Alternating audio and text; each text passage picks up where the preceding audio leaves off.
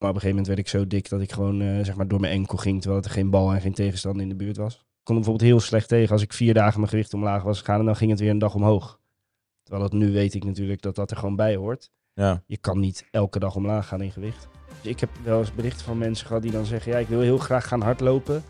Want dat vind ik superleuk. Maar ik ben bang dat mijn progressie verloren gaat in de gym. En dan zeg ik van ja, maar ga je dan alleen naar de gym om er perfect uit te zien? Of doen we het omdat we er happy van willen worden? Goeiedag, welkom bij de Sportpoeder Podcast. De podcast waar alles draait om jouw gezondheid en vitaliteit. We brengen experts op het gebied van fitness samen, waaronder artsen, personal trainers, psychologen en waardevolle inzichten om advies te delen. Vandaag zitten we met de enige echte Raymond Gene. Ehm, ja, een goede kennis van me, waar we af en toe wel eens een eh, feestje mee pakken. Raymond is natuurlijk al eens een keer eerder bij ons in de podcast geweest. En eh, vandaag zit Raymond bij ons eh, aan tafel, omdat we het gaan hebben over, nou ja, natuurlijk de progressie die hij heeft meegemaakt van dik naar dun. Of in ieder geval eh, aardig wat kilo's kwijt. En je gaat een fucking marathon lopen. En dat is wel eh, een eh, nou, teken van doorzettingsvermogen. En dat het allemaal eigenlijk wel gewoon mogelijk is. Wat ga je doen, Raymond? Ik ga 5 november de marathon van New York lopen. Dus ik heb de marathon wel al drie keer gelopen in Rotterdam. En nu ga ik hem een keer in het buitenland doen. Vet. Ten eerste is dat een veel moeilijkere route dan in Rotterdam met veel meer hoogteverschil. En ten tweede leek me heel vet om een keer een van de majors te doen. Je hebt zeg maar zes major marathons, daar is dit er één van. En dit keer ga ik hem ook voor een goed doel doen. Dus het is ook nog de bedoeling dat ik geld ophaal en dan Voor welk goed doel? voor Kika. Dat is, eh, die organiseren die reizen en dan moet je 6000 euro ophalen. En dan kun je met hun... Gemeen vliegtuig. eh, ja. Ja, Ah, vet. Top, man. Ehm, wa- wa- waarom, eh, ja, je loopt natuurlijk wel vaker marathons, maar waarom dacht je van, ik ga nu voor een goed doel eh, dit doen? eh, en in het buitenland? Ja, weet je, ik, ik ben natuurlijk, dat heb ik wel vaak verteld. Ik ben begonnen met hardlopen gewoon omdat ik het leuk vond. Om mezelf een beetje uit te dagen. En op een gegeven moment word je steeds beter, gaat het steeds beter. En de droom was altijd om een marathon te lopen. Nou, dat is nu gebeurd. En dan denk je, oké, hoe kan ik weer daar een nieuwe dimensie aangeven om het weer, weer een uitdaging te laten zijn? Ja. Eh, een van de dingen waar ik aan gedacht heb is om een ultramarathon te gaan doen. Maar daar vond ik mezelf nog niet klaar voor. Wat is dat dan? Ja, minimum, dus alles boven de marathon qua hardloopafstand is een ultramarathon. Dus dat kan 50, Oh. 60, 100 kilometer zijn. Ja, dat vond ik ook nog En hoeveel kilometer is een marathon normaal? Ik heb er echt geen verstand van. marathon is 42 42. kilometer en 195 meter. Oké. Eh, volgens mij is dat officieel de afstand van het dorpje Marathon naar Athene. Zo is de marathon. Ah. Aha, oké. Ja, nice. Ja, voor degenen die eh, Raymond eh, nog niet kennen, we hebben al een keer eerder een podcast met hem opgenomen, dus kleine doorverwijzing daar naartoe. Eh, kan je terugvinden op ons kanaal eh, met eh, Raymond. Maar we gaan toch nog even een heel klein beetje over jouw eh, verleden in het, eh, in het kort hebben.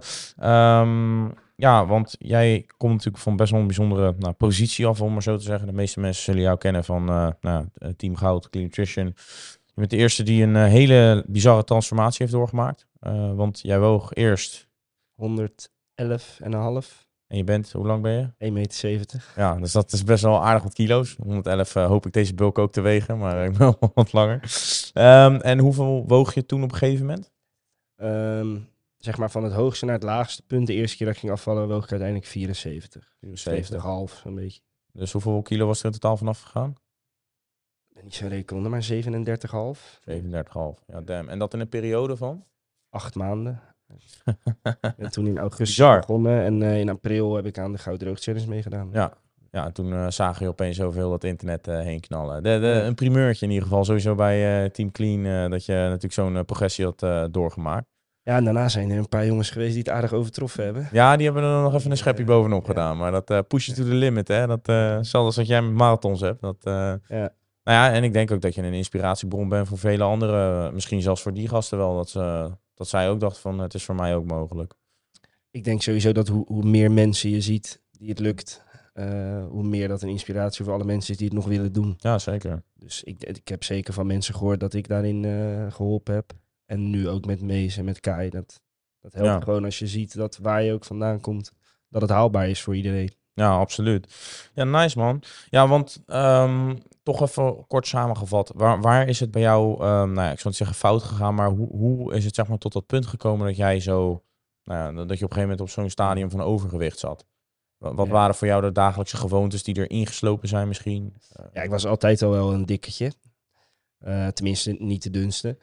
En op een gegeven moment, wanneer je op een leeftijd komt dat je lekker zelf je eten kan gaan betalen en uitgaat in het weekend, en weet ik wat. Toen is bij mij gewoon helemaal uit de hand gelopen.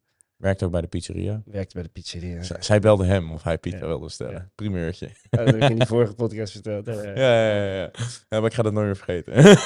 Dat, dat gebeurt minder nu. Maar dat was toen inderdaad heel veel pizza. Gewoon echt bijna elke dag. En eh, helemaal niet sporten.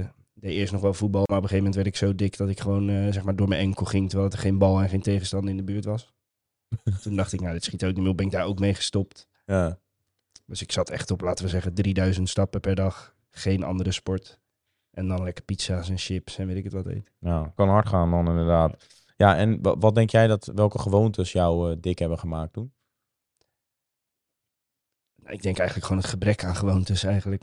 Geen Nee, ik routine. was gewoon echt eetverslaafd. Dus het Ja. enige wat ik deed was gewoon lekker serie kijken en dan chips erbij. Of dan als ik in bed lag en ik ging nog een podcast luisteren, dan nam ik snoep erbij. Lekker. Ja, dus mijn hele logica was gewoon... Nou, er zat geen logica in, maar ik, ik at gewoon waar ik trek in had. Ja, En aangezien ik best wel iemand ben die van eten houdt, waren dat gewoon altijd alleen maar slechte dingen. ja precies.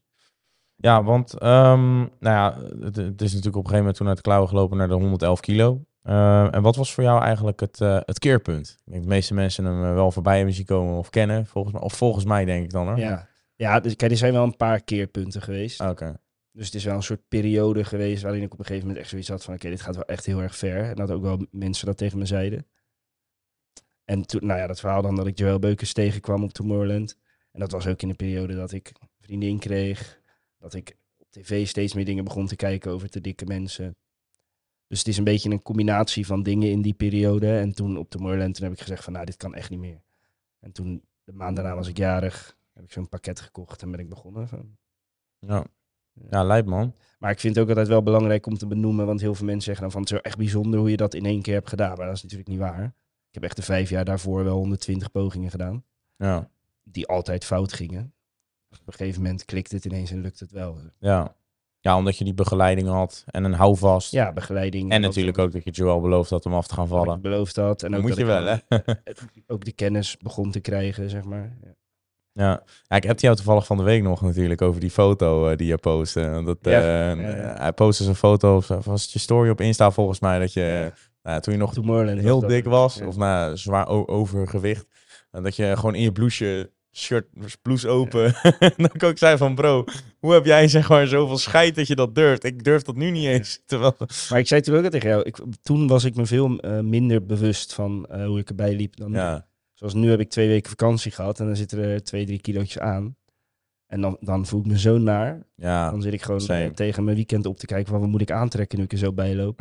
En toen liep ik inderdaad gewoon in mijn blote Oversized. buik. En, eh, ja. Ja, ja, bizar. Ja, ik, ik weet niet of jij dat ook herkent, maar in- sinds dat ik begon, ben begonnen met trainen, ben ik nog nooit zo onzeker geweest. Nee, het mezelf. alleen maar ja. maar het houdt je wel scherp. En het zorgt ook dat de discipline erin blijft. Als je er helemaal op lager, dan word je- Dus dan af en toe festivalletje moet kunnen. Extra cardio. Handig, toch? handig om er ook een ruggengraat bij te hebben. Die gaan we straks weer trainen. Nee joh, maar ehm, ja, wat, wat waren voor jou een beetje de gewoontes eh, die je moest aanpassen om eh, nou ja, uit de put te komen, om maar zo te zeggen? Ik denk een van de belangrijkste gewoontes, en dat is iets waar bijna nooit iemand het over heeft, is mijn slaap. Dat dat veranderd is. Want ik was altijd tot vier, vijf uur s'nachts wakker. En dan heb je gewoon altijd, dan ben je altijd aan het snijden. Dan lig je de hele dag op bed, dus je beweegt weinig. Ik denk dat dat een van de grootste gewoontes is. En het Mhm. beste dat ik die veranderd heb. En voor de rest überhaupt gewoon de gewoonte dat je bezig bent met de keuzes die je maakt. En bezig bent met de dingen die je doet. Dus in de vorige podcast heb ik volgens mij benoemd heel flauw van neem eens een keer de trap in plaats van de lift. En pak eens een keer de fiets. Dat soort kleine dingen dacht ik nooit over na. En vanaf het moment dat je bewust aan de slag gaat met ik wil graag afvallen. Dan ga je over die dingen nadenken. En dan zijn het echt die, al die, die micro-gewoontes eigenlijk, waar je het steeds beter in gaat doen. Dat maakt gewoon een heel groot verschil.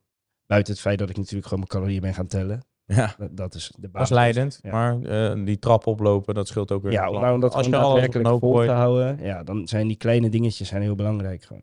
Een beetje Ja. structuur aanbrengen, een beetje juiste keuzes maken. Ja, en naast die houvast die jij had, ehm zou je ongetwijfeld natuurlijk obstakels zijn tegengekomen. Ehm, welke obstakels ben jij zeg maar tegengekomen in dat traject van toen je natuurlijk die 37 kilo eh, bent eh, afgevallen? Ja, nou, wat ik in het begin sowieso heel moeilijk vond, was zeg maar die, eh, die eh, hoe noem je dat? Delayed gratification. Dat je zeg maar op de lange termijn moet denken. Ja. Dus ik kon bijvoorbeeld heel slecht tegen als ik vier dagen mijn gewicht omlaag was gegaan en dan ging het weer een dag omhoog. Terwijl het nu weet ik natuurlijk dat dat er gewoon bij hoort. Ja. Je kan niet elke dag omlaag gaan in gewicht. Maar toen had ik het daar heel moeilijk mee mentaal, zeg maar. Want je wordt heel erg verslaafd van, oké, het gaat nu goed. En dan gaat het gewicht weer omhoog. En dan denk je, shit, misschien moet ik nog minder gaan eten. Misschien moet ik nog maar een keer gaan hardlopen. Het is niet dat je je verdriet weg, wegat, eh, om er zo te Nee, dat viel wel mee eigenlijk. Ik heb in die acht maanden echt wel weinig momenten gehad dat ik echt weer een terugval heb gehad. Eh, maar dat was ook wel omdat in dat plan wat ik had daar ook wel ruimte voor was. Dus je mocht één keer per week een cheap maaltijd. En er waren gedeeltes van het plan die je zelf mocht invullen. Dus ik had bijvoorbeeld wel eh, altijd een KitKat s'avonds. Echt de eerste drie maanden of zo. Ik gewoon elke avond een KitKat gegeten. Ja, ik denk ook wel dat ehm, als jij natuurlijk zoveel suiker eet op dagelijkse basis, wil je lichaam ook zoveel suiker binnenkrijgen. Dus Ja. als je dan ineens stopt met die suikers, dan word je gek. Kan je zelfs koppijn gaan krijgen en zo, weet ik ja. allemaal. Ja, dus ik ben, ik ben eigenlijk helemaal niet echt keihard gaan afkicken van al die dingen. Ik ben gewoon dingen gaan veranderen. Ja. Ehm, maar ook bijvoorbeeld heel de dag door gaan eten, weet je wel. Tegenwoordig best wel veel mensen vasten. Tegenwoordig, ik doe dat zelf ook vaak, intermittent fasting. Maar in het begin hielp het voor mij juist om gewoon te eten gedurende de dag. Zodat ik gewoon niet s'avonds zoveel trek kreeg. Ja. En nu lukt het mij wel, want eigenlijk als je zeg maar niet eet, dan, eh, dan krijg je ook niet echt honger. Maar toen was ik zo fucking eetverslaafd, dat als ik niet at en ik begon eenmaal met eten, dan zat er ook gelijk geen rem meer op. ja, precies. En vanaf het moment dat ik gewoon mijn maaltijden in ging delen en van tevoren ging bepalen, zo laat eet je dat, zo laat eet je dat. Dan was, had ik meer een rem voor mezelf. Omdat ik gewoon een duidelijk schema had van oké, dit ga je eten. En meer niet. Ja.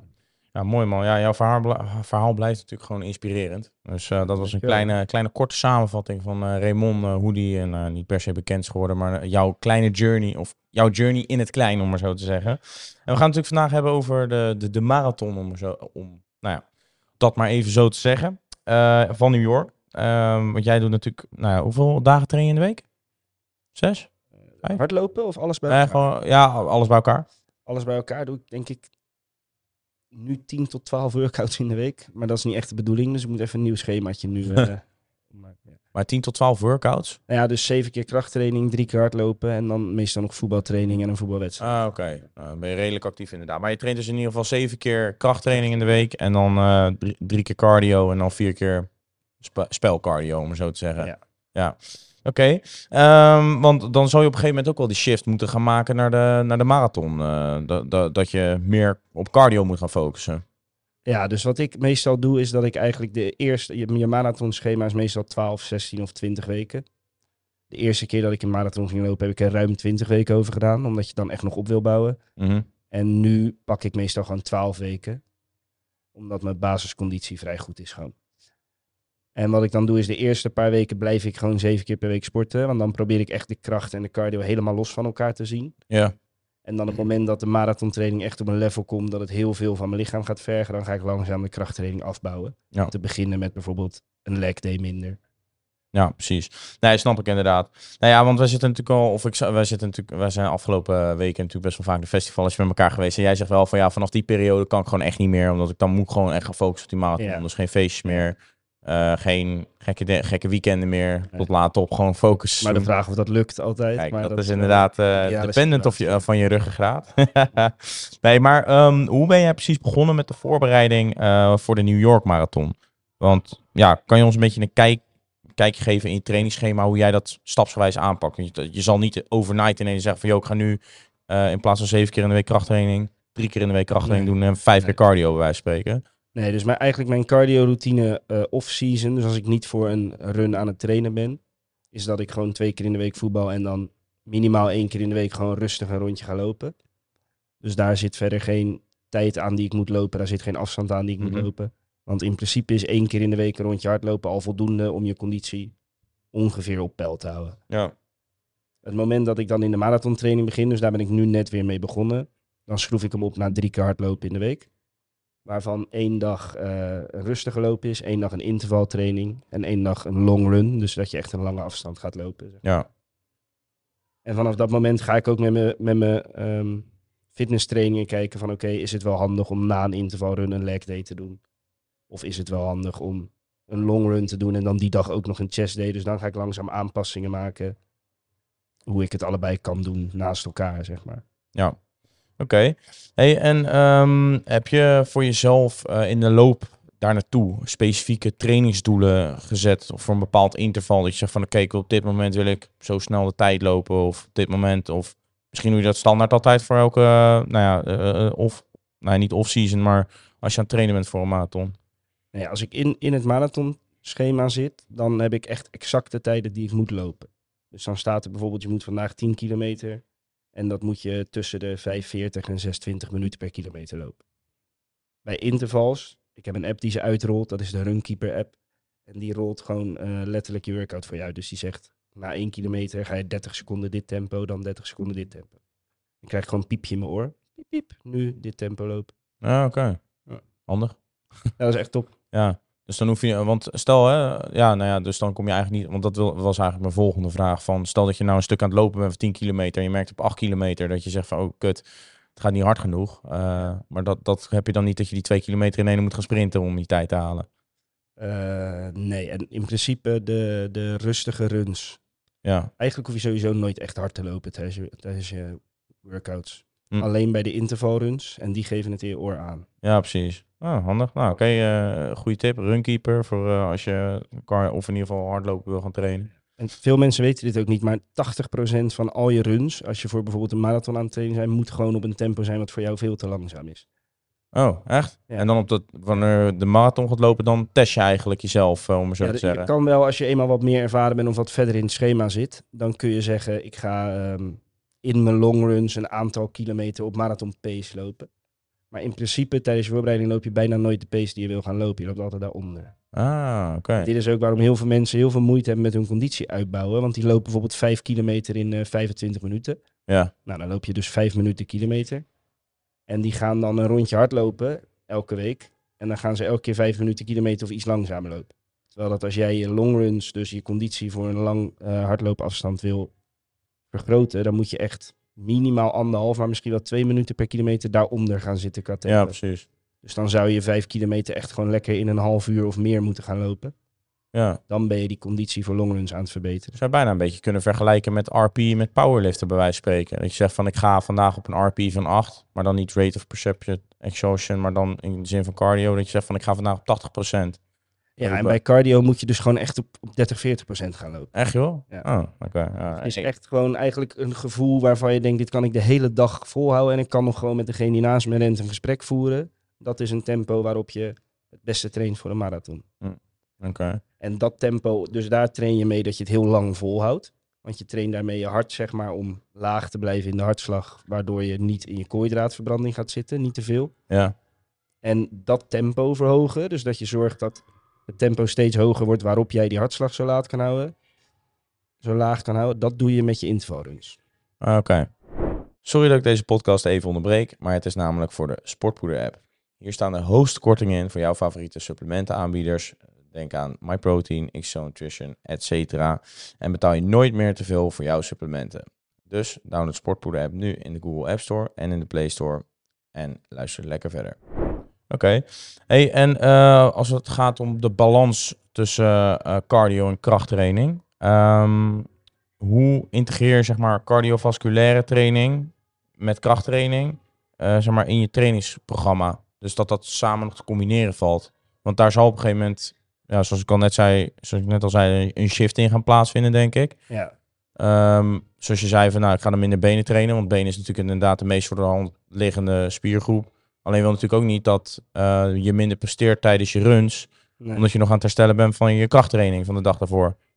nee, precies. Dus het voordeel is wat ik net zei, dat die meeste runs op lage hartslag zijn. Hm? Dus zeg maar, heel veel mensen hebben heel erg het idee dat als ze veel cardio gaan doen, dat ze heel veel spiermassa verliezen. Maar als je je cardio op de juiste manier doet, dus je, je krijgt het voor elkaar om dat op een rustig tempo te doen, dan valt dat wel mee. Ik doe sowieso, als ik allebei train op een dag, zitten er uren tussen. Dus dan ga ik bijvoorbeeld 's ochtends om 7 uur een stukje hardlopen en pas 's avonds fitnessen. Of andersom. Dus ik heb sowieso niet actief op dat moment last van de spieren. Ja. Ehm, en hoe ik dat, ik probeer het eigenlijk helemaal los van elkaar te zien. Dus ik blijf in mijn krachttraining gewoon progressive overload toepassen. Ik blijf in dezelfde rep range zitten als dat ik altijd doe. Ja. Ik pas mijn krachttraining alleen aan qua dagen en qua hoeveel dagen ik ga, maar niet qua hoe ik train. Ja, precies. Oké, hey, en ehm, als je kijkt naar, eh, want jij bent, eigenlijk ben je wel gewoon een bodybuilder, om het zo te zeggen. Weet je, want je traint je spieren, je bent je body aan het beelden. Ehm, want je hebt, Vrije zin van het woord. ja, inderdaad. Nou ja, bodybuilden houdt eigenlijk in dat je traint voor Ja. spiergroei eh, op bepaalde plekken. En dat is eigenlijk voor mij wat we met heel de communities een beetje aan het doen zijn. Zeker. Ehm, want eh, wat zou bodybuilden ook nog een bepaald voordeel kunnen hebben bij zo'n marathon? Of zeg je van, nou, het is eigenlijk een extra rugzak wat je meeneemt eh, qua spiermassa? Ja, ik denk dat het heel erg aan ligt wat je wil. Kijk, in mijn geval, mijn ambitie is nooit geweest om toptijden neer te zetten op de marathon. Ja, dat is waar natuurlijk. Dus voor mij is het in zoverre een voordeel dat ik heel het jaar lang lekker met sporten bezig ben. En dus mijn basis fitness gewoon goed is. Mijn benen kunnen vrij veel aan. Eh, maar, Qua cardio of qua kracht ook? nou, ook gewoon qua uithoudingsvermogen wel. Ja, je hebt natuurlijk ook voetbal gezeten. Ja. Ja, maar ik denk eerder dat Toen, ik... toen je heel zwaar was. Ja, Daar ik, heb je conditie van gekregen. Ik ook weer voetbal. Ja, ja, Ja. precies. Nee, maar ik denk dat eh, cardio meer een voordeel is voor de krachttraining. Dat daar mijn uithoudingsvermogen goed is en mijn lenigheid en weet ik het wat. Mhm. Dan andersom. Ik denk als je echt goed zou willen worden in marathonlopen, dan moet je eigenlijk zo min mogelijk krachttraining erbij. Ja, zo min als mogelijk spiermassa hebben eigenlijk Ja. ook. eh, gewoon puur Want ik ben natuurlijk eigenlijk veel te bulky om een marathon te lopen. Nou ja, niet bulky, maar wel... Ik denk dat er een stabiele 20 kilo aan eh, spiermassa op zit in de afgelopen... want hoe lang train je? Twee, drie, vier jaar? Eh, vier jaar bij. Vier jaar, ja. Dat, dat was denk ik wel een stabiele 20 kilo inderdaad. eh. Ja, dat, je zult dat allemaal mee. Dus het probleem is Ja. natuurlijk dat op een gegeven moment ga je verzuren als je zo ver aan het rennen bent. En hoe meer spiermassa jij hebt, hoe sneller dat punt is dat je gaat verzuren. ja. Ik had bij mijn laatste marathon had ik echt na 15 kilometer al kramp. Dat ik echt dacht, nou, dit wordt echt een dag van niks. Hey, eh, misschien een beetje een grappige vraag. Alleen, eh, kijk, eh, vaak zijn mensen die zwaarlijvig zijn geweest, die hebben best wel goede kuiten. Ja. Heb jij daar, merk je daar het voordeel van? Of ben je bijvoorbeeld best sterk met kuiten? Niet. Nee, juist niet. Ik ben Oh. juist heel snel, krijg ik last van mijn kuit. Ah, oké.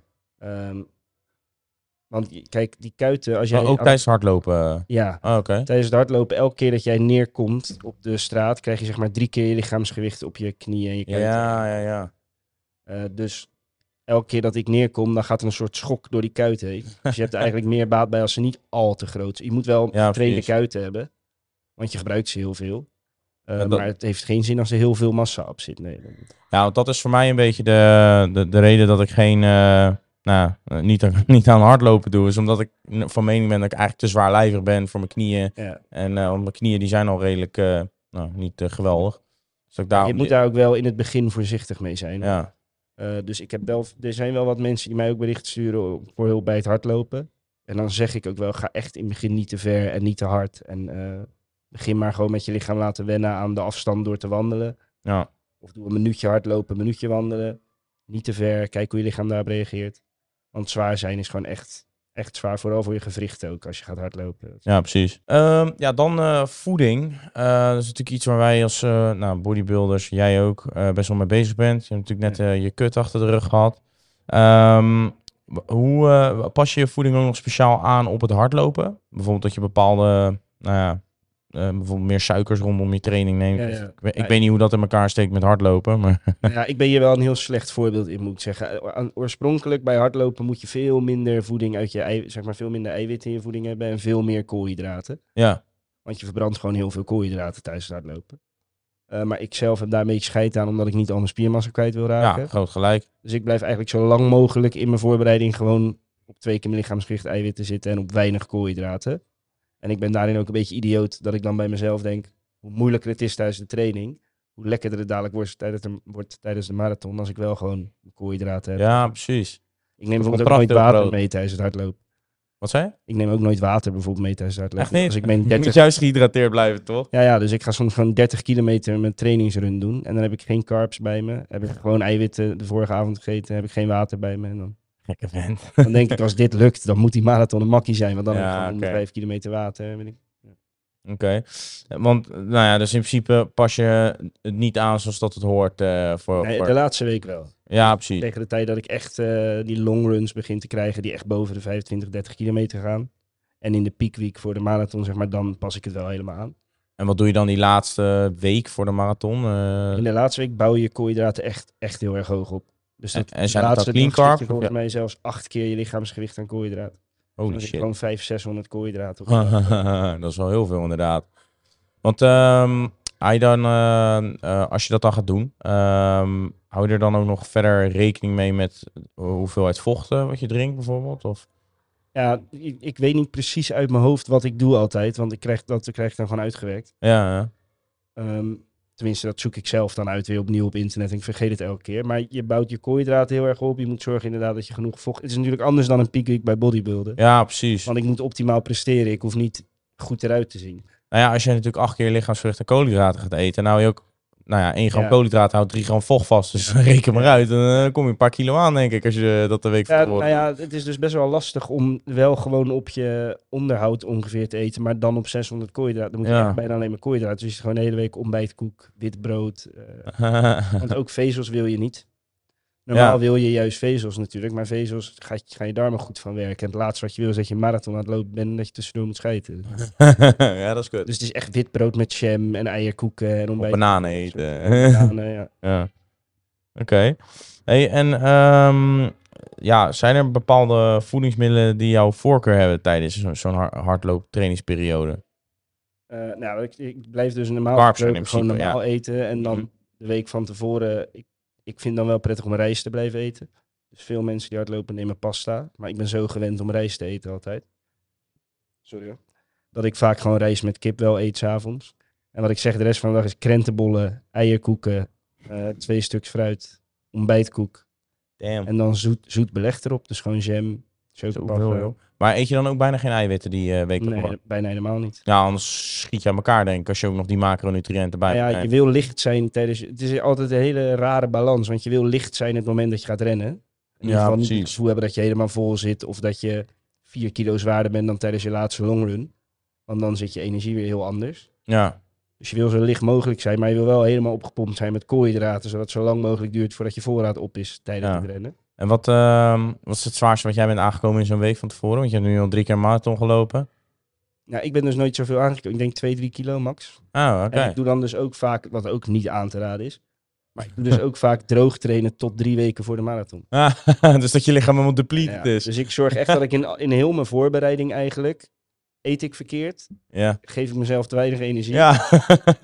Eh, en dan het moment dat zeg maar twee, drie weken van tevoren is, dan ben ik dus rete licht, droog. Heb ik nog geen één keer op een fatsoenlijke manier zeg maar, getraind, behalve dan de meters erin gekregen.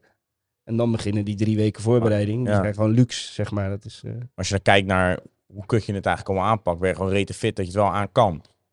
ja, denk ik wel. zou nog wel wat meer in kunnen zitten, ja. Ja. Zou Maar ja, dat is wel voor jou, want jouw primaire doel is natuurlijk spierbehoud en een marathon kunnen lopen, want die tijd boeit je niet. Dan kijk, je kan Nee, ja, inderdaad wel zeggen van ja, dan Ja. maar spierverlies. En dan loop je misschien die marathon 10 minuten sneller. Ik weet niet hoe lang je een marathon doet, maar Nou ja, ik, ik zou op zich... Ik denk als ik alles goed zou doen, dat ik echt nog wel een half uur van mijn tijd af zou kunnen halen. waarschijnlijk wel, ja. Maar ja, het gaat erom dat je hem loopt, toch? Ja, dus ik probeer in Rotterdam wel steeds mijn tijd te verbeteren. Maar nu in New York, omdat het en een hele mooie marathon is en een moeilijk parcours, ga ik gewoon voor een, normale tijd, zeg maar. En wat bedoel je dan met een moeilijk parcours? Veel obstakels of zo? Of, eh, Sowieso heel veel hoogte... Nee, obstakels zitten er niet in, maar je hebt hoogteverschillen Nee, daar. ik bedoel, misschien als je door National Park moet rennen over stoep heen of zo. Nee je, hebt, nee, je hebt daar een aantal hele lange bruggen die echt vergelijkbaar zijn met zeg maar de Brine Noord in Rotterdam. Ja. Daar zitten er twee of drie van in. Dus dat is een heel eh, vervelend hoogteverschil. Dat je Oh, ja, ja. Dan moet je incline lopen en dan eh, moet je natuurlijk ook weer niet snel naar beneden, want anders... eh, Nee, dat is veel mensen denken dan van oh bergop dat is kut, maar bergaf is net zo kut. Ja, En als je omhoog gaat moet je ook weer naar beneden. Dus dat is al lastig. En dan heb je ook nog eens vijf bruggen erin zitten in totaal. Daar mag geen publiek. Dus alle moeilijke stukken waar je loopt, mag ook geen publiek staan. Dus dan hoor je alleen maar gewoon de hele tijd zo je voet, terwijl dat je bergop, bergaf. heeft dat veel invloed voor je, publiek? Nou, je wil eigenlijk een beetje in een roes raken als je een marathon aan het lopen bent. Dus Ja. eigenlijk, terwijl dat je aan het lopen bent, eigenlijk dat je een beetje aan het dromen bent en niet echt door hebt wat je aan het doen bent. Want hoe langer je dat hebt, hoe minder je bezig bent met alles wat je aan je lichaam gaat voelen. En dat valt heel snel weg als het publiek ineens wegvalt. Ja, precies. Hm. Oké. Hey, ehm, ja, want eh, als je dan, nou ja, wa- want die week van tevoren, dan ga je dus wel, eh, nou ja, goed op eh, voeding zitten, om maar zo te zeggen. Zijn er nog andere dingen die jij ehm, eigenlijk doet in de periode daarvoor om je conditie optimaal verbe- te verbeteren? Dus ja, naast dat je natuurlijk nou, eh, warm loopt of eigenlijk gewoon blijft hardlopen door de week. Je let op je voeding. Zijn er nog andere aspecten waar jij op let? Ehm, nou ja, wat je, bij marathontraining werk je eigenlijk conditie op tot drie weken van tevoren. En daarna ga je dan taperen, noemen ze dat. Dus dan ga Mhm. je eigenlijk met de week je, je afstand in kilometers per week ga je omlaag halen. Dus je langste oefenloop is drie weken van tevoren. Ja. En dan per week wordt het minder. En de laatste week doe je eigenlijk bijna helemaal niks meer. En dan doe ik ook echt niks. Dan fitness ik ook niet meer de laatste week. Dan lig ik gewoon echt op de bank. Want je wil dus dat al die koolhydraten gewoon je lichaam ingaan. En dat ze helemaal niet gebruikt worden.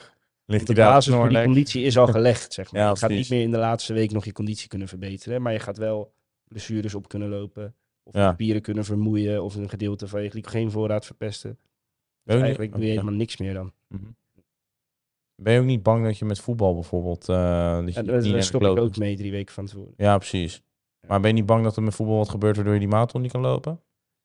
Ben je wat voorzichtiger met voetbal bijvoorbeeld? Ik, de kans, denk ik, eh, dat er zoiets gebeurt dat ik echt wekenlang eruit ben, die is bij voetbal niet groter dan in de gym of weet ik veel. Ja, oké. Dus je doet niet heel gek met voetbal en zo. Nee. Oké. Hey, ehm, ja, want zo'n, eh, met zo'n marathon, hè. We hebben het natuurlijk gehad over de week van tevoren eh, met voeding. Maar hoe doe je het op zo'n dag zelf? Want eh, je bent natuurlijk heel de week aan het laden. Dan zit je natuurlijk helemaal vol. Eh, alle suikers zijn opgenomen. Conditie op het top. Je bent klaar voor de dag. Ja. Topfit mannetje. Dat Nou, bedoelde ik trouwens niet vervelend. maar hoe doe je dat? Wat, hoe ziet je voeding op de dag zelf eruit? Ja, dus je staat sowieso, maar dan moet ik wel eerlijk zeggen dat in Rotterdam anders is, eh, of in Nederland überhaupt, dan bij New York. Want bij New York moet je extreem vroeg al naar het startersdorp. Dus stel Dorp, dat je daar, ja. om, ja, er is een heel dorp in Central Park. Mhm. Of nee, niet in Central Park, op Staten Island. En daar moet je echt uren van tevoren zijn.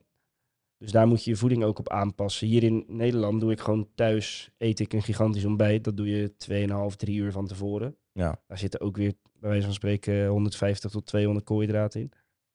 En dat doe je drie uur van tevoren, zodat je nog naar de wc kan en niet je hele buik vol zit het moment dat je gaat lopen. Ja. Maar dat is daar dus lastig om dat in het hotel te doen, omdat je al vijf, zes uur van tevoren in het startvak van huis weg gaat om naar het startvak te gaan. Dus daar moet ik nog over nadenken hoe ik dat daar ga doen. Maar normaal is het, je neemt drie uur van tevoren ongeveer een heel groot ontbijt met heel veel koolhydraten. En dan ehm, neem ik meestal in het startvak, dus vlak voordat ik ga beginnen, neem ik of koolhydraatsnoepjes of nog een banaan. Dus dan doe je nog eventjes snel bijwerken. En dan gedurende de run neem je ook weer om de 7 kilometer of om de drie kwartier, neem je ook weer een koolhydraatgelletje of snoep. Of van die ijzodrank, zeg maar. Ja, wat eh, makkelijk eh, naar binnen gaat. eh. Maar dat test je dus ook al tijdens je trainingen. Dus, want het kan zomaar zijn dat jij, als jij AA'tjes naar binnen gaat werken, dat je daar last van krijgt van je darmen. Of dat je het niet goed doet op die jelletjes. ja, Dus daar, daar gebruik je ook die longruns in de, in de voorbereiding voor. om het allemaal alvast Om te testen. kijken. ja. Wat vind ik makkelijk eten? Waar reageerde mijn darmen op?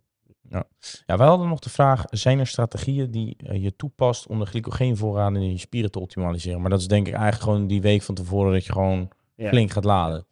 Ja, en de, de normale mensen, die zeg maar de voorbereiding doen zoals die hoort, of die alleen met cardio bezig zijn, die gebruiken dat natuurlijk ook al eh, gedurende de voorbereiding. Dus Ja, die zorgen altijd altijd dat ze hoog in koolhydraten eten. Want Ja. het is bij, bij cardio wel echt heel belangrijk om je lichaam te voeden, zeg maar. Ja. Dat is het ook wel natuurlijk bij ons met eiwit. Maar bij hardlopen merk je wel echt dat je ook problemen kunt krijgen in de vorm van kramp, bijvoorbeeld, op het moment dat je dat niet goed doet. Ja, maar ja, als je dus inderdaad een eiwitrijk dieet hebt, is die kans op krampen aanzienlijk klei- kleiner al. En natuurlijk de supplementa- eh, supplementen die je erbij neemt waarschijnlijk al. Oké. Hey, en ehm, want die eh glycogeenvoorraden, die laat je dan in principe die week van tevoren. Ehm, merk jij dat je als je in dat traject, want hoe, hoe lang is zo'n prep, om maar zo te zeggen, voor een marathon? Want ehm, Ja, dus de, de prep in totaal ligt een beetje aan wat je basisniveau is. In principe zeggen ze altijd, als jij bijvoorbeeld eh 10, 15 kilometer vrij makkelijk kan lopen, dan zou je in 20 weken wel naar een marathon toe kunnen werken. ja, Dan zet je misschien niet gelijk de tijd neer die ik neerzet. En het zal misschien niet makkelijk worden, maar dan kan het. Ik doe er nu 12 weken over. Dat komt ook omdat het nu zo uitkwam met de zomer. ja, Eh, en dan is dus gedurende die 12 weken doe je elke keer ongeveer 10, 15 procent afstand voeg je toe per week. Dan de laatste drie weken begint te taperen. Dus dan heb je je, longs, je, je langste run gehad van, laten we zeggen, 35 kilometer. Dan ga je het afbouwen, drie weken lang. En dan de laatste week is je peak week. Zeg maar. Dus het is 20 weken totaal, drie weken taperen. En dan een peak week. En als je dan kijkt naar je, naar je gewicht. eh, kijk, het doel voor jou is natuurlijk nog steeds spiermassa behouden. of Misschien zelfs aankomen in die periode. Je weet maar niet precies hoe dat natuurlijk gaat. val jij dan vaak af naarmate je naar zo'n marathon toe werkt? Dan zie je natuurlijk wel veel beweging hebt in de week. Ja, dus wat ik doe is zeg maar dat ik nu op een tekort ga zitten waar ik zeg maar maar eh, tussen de 100 en de 400, 500 eh, gram per week afval. Dus gewoon een, een klein tekort. En dan, ik ga nooit lager in mijn calorieën zitten dan dat. Dus als ik op een gegeven moment merk dat het stagneert, dan is het jammer dan. Maar ik, ga, ik moet wel enigszins genoeg voeding binnenkrijgen. Ja, Maar wat je merkt is omdat je kilometers elke week uitbouwen, blijf je vrij netjes omlaag gaan. Ja. Hetzelfde aantal calorieën. Dus je stagneert niet omdat je elke keer verder en verder aan het rennen bent. ja, precies. Je activiteit gaat steeds verder omhoog. Dus ik zit nu zeg maar na de zomer denk ik op, eh, laten we zeggen 80 kilo of zo. Ja. Ik ga ervan uit dat ik de marathon op 5,76 ren. Oké. Ja, zou nice zijn. En dan het, eh, het mentale aspect. Eh, je bent natuurlijk wel iemand met doorzettingsvermogen. En, Echt dat je ging zeggen, je bent natuurlijk wel iemand met issues. nee, je hebt gewoon geen ruggengraat, maar dat is jouw probleem. nee, nee, geintje. Nee, maar ehm, als je dan kijkt naar het mentale aspect. ehm, want, nou ja, je bent, zou je jezelf als mentaal sterk eh, bestempelen? nou, het ligt een beetje aan welk gebied. Maar op het gebied van sporten denk ik wel, ja. Ja. Nou, dus dan is het eigenlijk een beetje lastig om die vraag aan jou te stellen. Maar in ieder geval, we hadden de vraag gesteld. Hoe ziet je, eh, hoe integreer je mentale voorbereidingstechnieken in combinatie met je voedingsplan voor de marathon? Alleen voor jou is dat denk ik bijna hetzelfde gewoon als een kut. Alleen dan ga je gewoon rondrennen. Of uh, rondrennen. Ja, bij mij is het wel vergelijkbaar inderdaad. En bij marathon, die delayed gratification wat ik net zei. Dus Ja. dat je echt erover nadenkt, oké, ik ga hier nu nul plezier aan ervaren. Eh, maar het moet, want anders ga je het niet redden. Dat is echt wel mentale training hoor. Want je bent 20 weken van tevoren en dan moet je in het weekend eh 15 of 18 kilometer gaan lopen. Het regent buiten. Je bent alleen, je hebt gewerkt. Dan moet je in het donker, ben je gewoon twee uur van huis weg. Het is heel makkelijk om bij jezelf te denken, die ga ik even overslaan vandaag. Mhm. Alleen je moet ze er gewoon in krijgen. Je moet die kilometers erin krijgen. Anders loop je gewoon echt tegen de muur aan wanneer die marathon gaat lopen. Ja. Dus dat is best wel iets eh, wat ik de eerste keer best wel heel lastig vond. En dan ga ik misschien een stomme opmerking maken. Maar eh, als het buiten regent, kun je toch ook gewoon binnen op de loopband gaan staan? Of vind je dat verschrikkelijk saai? Nou, twee uur op de loopband is vrij lang. ja. Het is op de loopband ook veel moeilijker om het juiste tempo te hanteren. Ja. Omdat de loopband heel anders loopt. Want je hebt geen last van de weerstand. Je hebt geen last van de, druk op je knieën en zo is ook heel anders. Dus er zijn bepaalde dingen aan de marathon die je gewoon niet traint op een loopband. Mentaal gezien is het inderdaad wel goed. Gewoon twee uur lang voor je uit te staren op de loopband. Verschrikkelijk. Maar je krijgt dan wel, het is heel eentonig. En je traint bepaalde dingen niet die je wel wil trainen, zeg maar. Ja, oké. En ehm, zijn er nog bepaalde voedingsmiddelen die jou nou eh, mentaal enigszins ondersteunen, waardoor je het makkelijker volhoudt? In de zin van af en toe even een... eh, wat zijn er? Alcohol. nee, maar da- waardoor je het... Eh, heel goed vol. waardoor je, zeg maar, je mentaal jezelf... wa- Waardoor je jezelf mentaal sterk houdt. Dus in de za- zin van af en toe even een cheat. Of iets in die trant. Ik, nou, het voordeel aan dus veel cardio doen is dat je best wel een keer kan cheaten. Dus op het moment dat jij, wat ik bijvoorbeeld vaak doe, is dat ik mezelf gewoon lekker in de maling neem. Dan als ik echt 30 kilometer ga lopen of zo, dan zeg ik bijvoorbeeld eh, alles wat ik tijdens de run neem en wat ik voor de run als, eh, als voeding, dat telt gewoon niet mee voor de rest van de dag.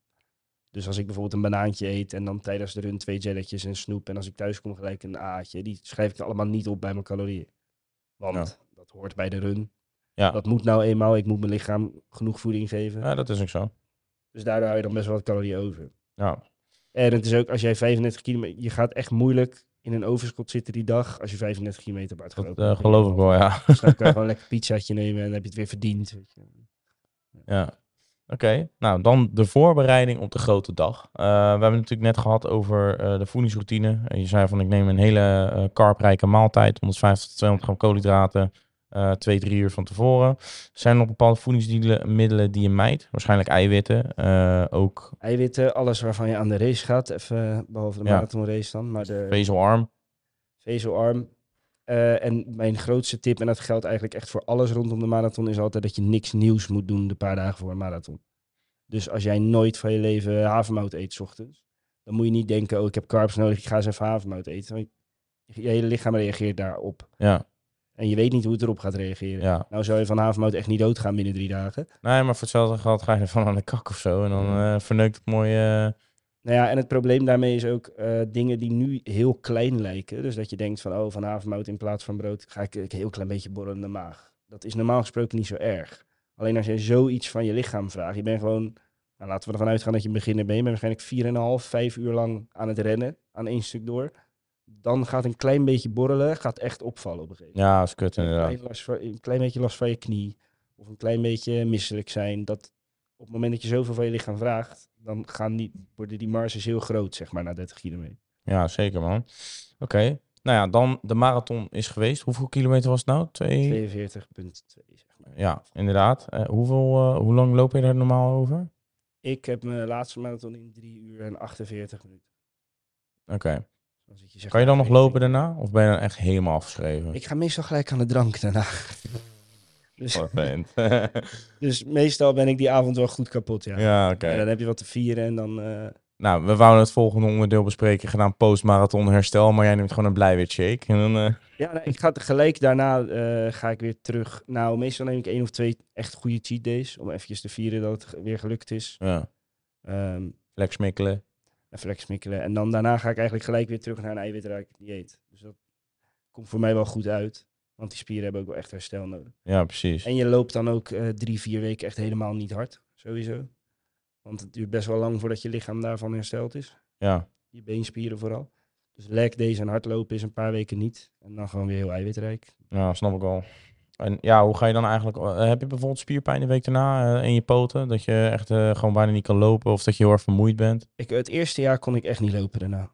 Toen woonde ik op driehoog en toen kon ik gewoon echt niet. Ik kon Oh, letterlijk de trap van niet. Dus met je benen helemaal gestrekt zo, als een soort pinguïn de trap op. De trap af, idem dito. En het eerste jaar waren ook allebei mijn teennagels. Ja, dat is een beetje een onsmakelijk verhaal dit. Maar van zoveel in die schoenen constant zitten tijdens het hardlopen, dat vinden je tenen, je teennagels ook niet zo fijn. Dus ik was twee teennagels kwijt. ah, Ik had eh blaren aan bij de voeten en ik had genoeg spierpijn dat ik geen trap meer kon lopen. Dus ik Ah, heb toen twee weken lang op slippers gewerkt. En sindsdien doe ik, als ik een marathon heb gelopen, de week daarop even vakantie nemen. Van, Ja, precies. Snap ik wel. Groot gelijk. Oké. Hey, en ehm, nou ja, toekomstige doelen en eh, jouw fitnessplan. Ehm, als je dan kijkt naar een marathon, eh, wat, wat zijn dan je doelen? Want eh, het is natuurlijk weer, nou, we gaan ervan uit dat je hem haalt. Mooie prestatie. Eh, als je hem hebt gehaald, eh, wat, wat wil je dan daarna eigenlijk gaan doen? Ga je dan gewoon weer beginnen met bulken? Of, Ja, het ik, ik vind dat ook wel lastig, omdat ik vind het echt wel leuk om hardloopdoelen te hebben en om die uit te breiden steeds. Dus ik- waarschijnlijk loop ik in april weer Rotterdam of ga ik ergens in 2024 dus voor een ultramarathon. mhm. Maar dan is het wel weer lastig om het fitness goed te houden. Dus ik werk meestal in een soort van periodes van oké, dan is de marathon geweest. Dan wil ik even drie maanden lang alleen maar op bodybuilden focussen. En weer spiermassa opbouwen. Maar eigenlijk is natuurlijk, je kan nooit in het allebei heel erg goed doen. Dus ik vind het heel leuk om een soort hybride atleet te zijn. Dat ik marathons kan lopen, maar er ook goed uitzie. Ja, Of zelf vind dat ik er goed uitzie. Ehm, dus ik probeer dan daarna weer even een periode echt op het fitness en het bodybuilden zeg maar te focussen. Wil je dit nog jarenlang blijven doen, die marathons lopen? Ja, dat vragen meer mensen mij. Dus ik vind dat echt lastig. Want ik heb heel vaak in een periode dat ik me heel erg op fitness aan het focussen ben. Dat ik denk, eh ik Van cardio? wel goed na New York. Ja. Maar dan het moment dat je in zo'n marathonvoorbereiding zit, dan is, het, dan is het zo tof om te doen. En het is zo'n leuke uitdaging voor Ja. jezelf. En er komt zoveel moois bij kijken dat ik dan toch denk van, ha, pak er nog eentje mee. Ehm, ik had eigenlijk voor mezelf wel gezegd, nu, van ik doe hierna nog één keer Rotterdam. Eh, New York loop ik voor de leuk, omdat het een mooie marathon is. Dan daarna ga ik meteen doortrainen voor Rotterdam. Dan zorg ik dat ik daar, want ik wil per se een keer 3,5 uur halen. En daarvoor moet je wel echt even je best doen. Ja. Dus als ik dat haal, zou halen in Rotterdam in april, dan kap ik ermee. Dan, is het, eh, dan heb ik er vijf gedaan. En dan is het tijd om even een beetje fatsoenlijke spieren op te bouwen. Ja, precies. En het laatste onderdeel wat ik met jou wil bespreken, natuurlijk een van de belangrijkste onderdelen. Ik doe het ongeveer een derde van de dag. Slaap en rust. Jij zegt Ja. natuurlijk, ik train zeven keer in de week. Dan voetbal je vier keer en doe je nog drie keer cardio. Dus je bent gewoon twee keer per dag aan het trainen eigenlijk. Hoeveel, meestal wel. ja. hoeveel uur slaap jij bijvoorbeeld voor zo'n marathon? Of leg je daar niet op? Of heb jij een standaard hoeveelheid waar je mee eh, op, in principe, als ik zo'n voorbereiding doe, dus nu ga ik weer een beetje zeg maar, het focus season in, dan, dan heb ik sowieso slaaptijden voor mezelf. Dus ik ga dan altijd eh tien uur moet sowieso mijn telefoon weg. Shout-out naar Jay, die gaat op de vliegtuig staan. Oh ja, ja, ja. Had je ook kamer. inderdaad. En dan, ehm, laten we zeggen dat ik uiterlijk 11 uur slaap. Ik heb natuurlijk zo'n slaapmasker, dus ik kan ook heel goed tegen mezelf zeggen, op het moment dat ik mijn masker opzet, Tukken. dan is alles uit. En dan kan ik ook op dat ding zien hoe lang ik daadwerkelijk geslapen heb. Mhm. Eh, dus het is in principe meestal van 11 tot 7. Minimaal 8 uur slaap is wel echt belangrijk. En ehm, in de week voor de marathon, wat ik zeg, dan lig ik ook nog de hele dag gewoon op de bank niks te doen. Ja, precies. Behalve als ik moet werken dan. Maar dan eh, Ja, dus slaap, slaap is echt, echt heel erg belangrijk. key. Maar Ja. dat is natuurlijk eh, vanzelfsprekend. eh. Maar merk je ook dat naarmate dat je ehm, eh, de ma- marathon zeg maar nadert, dat je steeds meer slaap nodig hebt, meer rust? Ja, Of, of ja. compenseer dat door minder intensief bezig te zijn in de week? Nee, sowieso gaat dat. Kijk, dat twaalf keer trainen, dat is leuk. Maar ten eerste, ik werk om het weekend. Dus er zijn nou heel veel weken dat zaterdag en zondag twee workouts niet lukt. Ehm, er zijn ook heel veel weken off-season dat ik hardloopmomenten oversla. Dus meestal, het kan ook zijn dat het gewoon zeven keer is. Het zit meestal tussen de zeven en de twaalf zo'n beetje. Mhm. En ik weet ook dat dat niet slim is. Maar sommige dingen ervan doe ik natuurlijk gewoon puur omdat ik het leuk vind. Zoals het voetballen. Dus dat tel ik dan ook stiekem niet echt mee als sport of zo. In die marathonvoorbereiding streep ik er steeds meer weg. Dus ik ga sowieso van zeven keer krachttraining naar vijf keer krachttraining vanaf aanstaande maandag. Dan ga ik op een gegeven moment stoppen met voetballen om blessures te voorkomen. Drie, vier weken van tevoren. En aan het einde doe ik zelfs maar drie keer krachttraining in de week. Hm. Dus dan is echt gewoon drie keer cardio, drie keer krachttraining, voor de rest niks. Ja, precies. Oké. Nou, ehm, best wel leuk en interessant onderwerp ook voor mij weer om wat over te leren wat betreft eh, nou, cardio. Een keertje mee cardio of uiterste. Daar bedank je vriendelijk voor, maar dat, eh nou ja, ik ben echt heilig van overtuigd dat ik mijn knieën ga afsluiten als ik dat ga doen. Maar een keer hardlopen, dat vind ik goed om te doen. Maar verwacht er niet te veel van. Want, eh, Dat maakt ook niet te veel. Ja, ja, ja, ja, ja. Nee, nou ja, in ieder geval, eh, de mannen van Focus Drink, eh, die hebben Raymond al aardig gesponsord voor Kika. Eh, wil jij Raymond nou sponsoren, kan je dat linkje op zijn Insta vinden. Ik zou zeggen, doneer een eurotje, dan doneer ik een tientje of 100 euro. Of, nou, in ieder geval Als wat je kan missen. een eurotje doneert, dan zijn we heel snel. Ja, en dan weten we zeker dat hij naar, dat hij naar New York kan met Kika. Het is natuurlijk voor het goede doel, dus dat is altijd mooi. Ja, ik Dus- heb er dat wel goed om te zeggen. Ik verdien er zelf helemaal niks aan. Hè. Het Nee, is het echt alles wat ik liefdadigheid. gaat naar het goede doel. Sterker nog, als ik het niet haal, het bedrag, dan alsnog gaat al het geld wat ik al heb opgehaald. Dan mag ik niet mee naar New York, maar dan gaat het geld wel gewoon naar Kika. Maar boek je dan zelf een ticket? Dan ga ik het zelf bijleggen, ja. Ja, Ik ga, ik ga sowieso. kan je nagaan. Ja, ik wou het zeggen, als je er toch zo voor aan het trainen bent. Nou jongens, dus ik zou zeggen, assisteer Raymond een beetje. Hey, ehm, nou ja, eh, voordat we afsluiten, Raymond, als laatste gedachte. Welke belangrijke tips eh, of adviezen eh, zou je willen delen met onze luisteraars die op zoek zijn naar een gezonde balans tussen fitness, voeding, welzijn en nou ja, eigenlijk cardio met me- of Ja. mensen die in de toekomst eventueel ook gewoon inderdaad, zoals je al zei, een soort hybride atleet willen worden? Want jij hebt toch al een beetje aangetoond dat je, nou, je ging natuurlijk van dik naar dun, toen veel krachttraining, hardlopen erbij gaan doen, eh, wat natuurlijk nu ook een soort middel is om je doel te bereiken, vaak voor een, een droogtrain traject. Eh, maar wat zijn jouw tips of adviezen daarin? Om die routine te Mijn ontwikkelen. tip is sowieso altijd dat je gewoon moet doen wat je leuk vindt. Dus ik heb wel eens berichten van mensen gehad die dan zeggen, ja, ik wil heel graag gaan hardlopen. Want dat vind ik superleuk. Maar ik ben bang dat mijn progressie verloren gaat in de gym. En dan zeg ik van, ja, maar ga je dan alleen naar de gym om er perfect uit te zien? Of doen we het omdat we er happy van willen worden? Ja. Ik doe het omdat ik er happy van wil worden. Dus als jij er vrolijk van wordt om te gaan hardlopen, moet je gewoon lekker gaan hardlopen. Eens. Eh, en wat betreft de balans zou ik gewoon zeggen, luister heel goed naar je lichaam. En dat geldt voor mensen die alleen krachttraining doen, die het allebei doen. Ehm, en daar zit ook wel het stukje bij dat je ook naar je lichaam moet luisteren als je honger hebt. Als jij 20 kilometer hebt hardgelopen, als je op een gegeven moment op dat level komt. En je hebt honger, dan moet je echt niet bij jezelf denken, ik ga niks meer eten, want ik wil niet te dik worden. Ja. Bij cardio is het gewoon echt nog veel belangrijker om je lichaam de juiste en de juiste hoeveelheid voeding te geven. Absoluut. En ik zou vooral zeggen, begin rustig. Weet je, je moet echt niet vanaf begin. Heel veel mensen doen dat. "Ah, Ik ga weer een keertje hardlopen, 10 kilometer. Dat, stel je voor dat je in de sportschool komt en dat je zegt, ik ga een keertje benchen. Doe maar 100 kilo erop. Hm.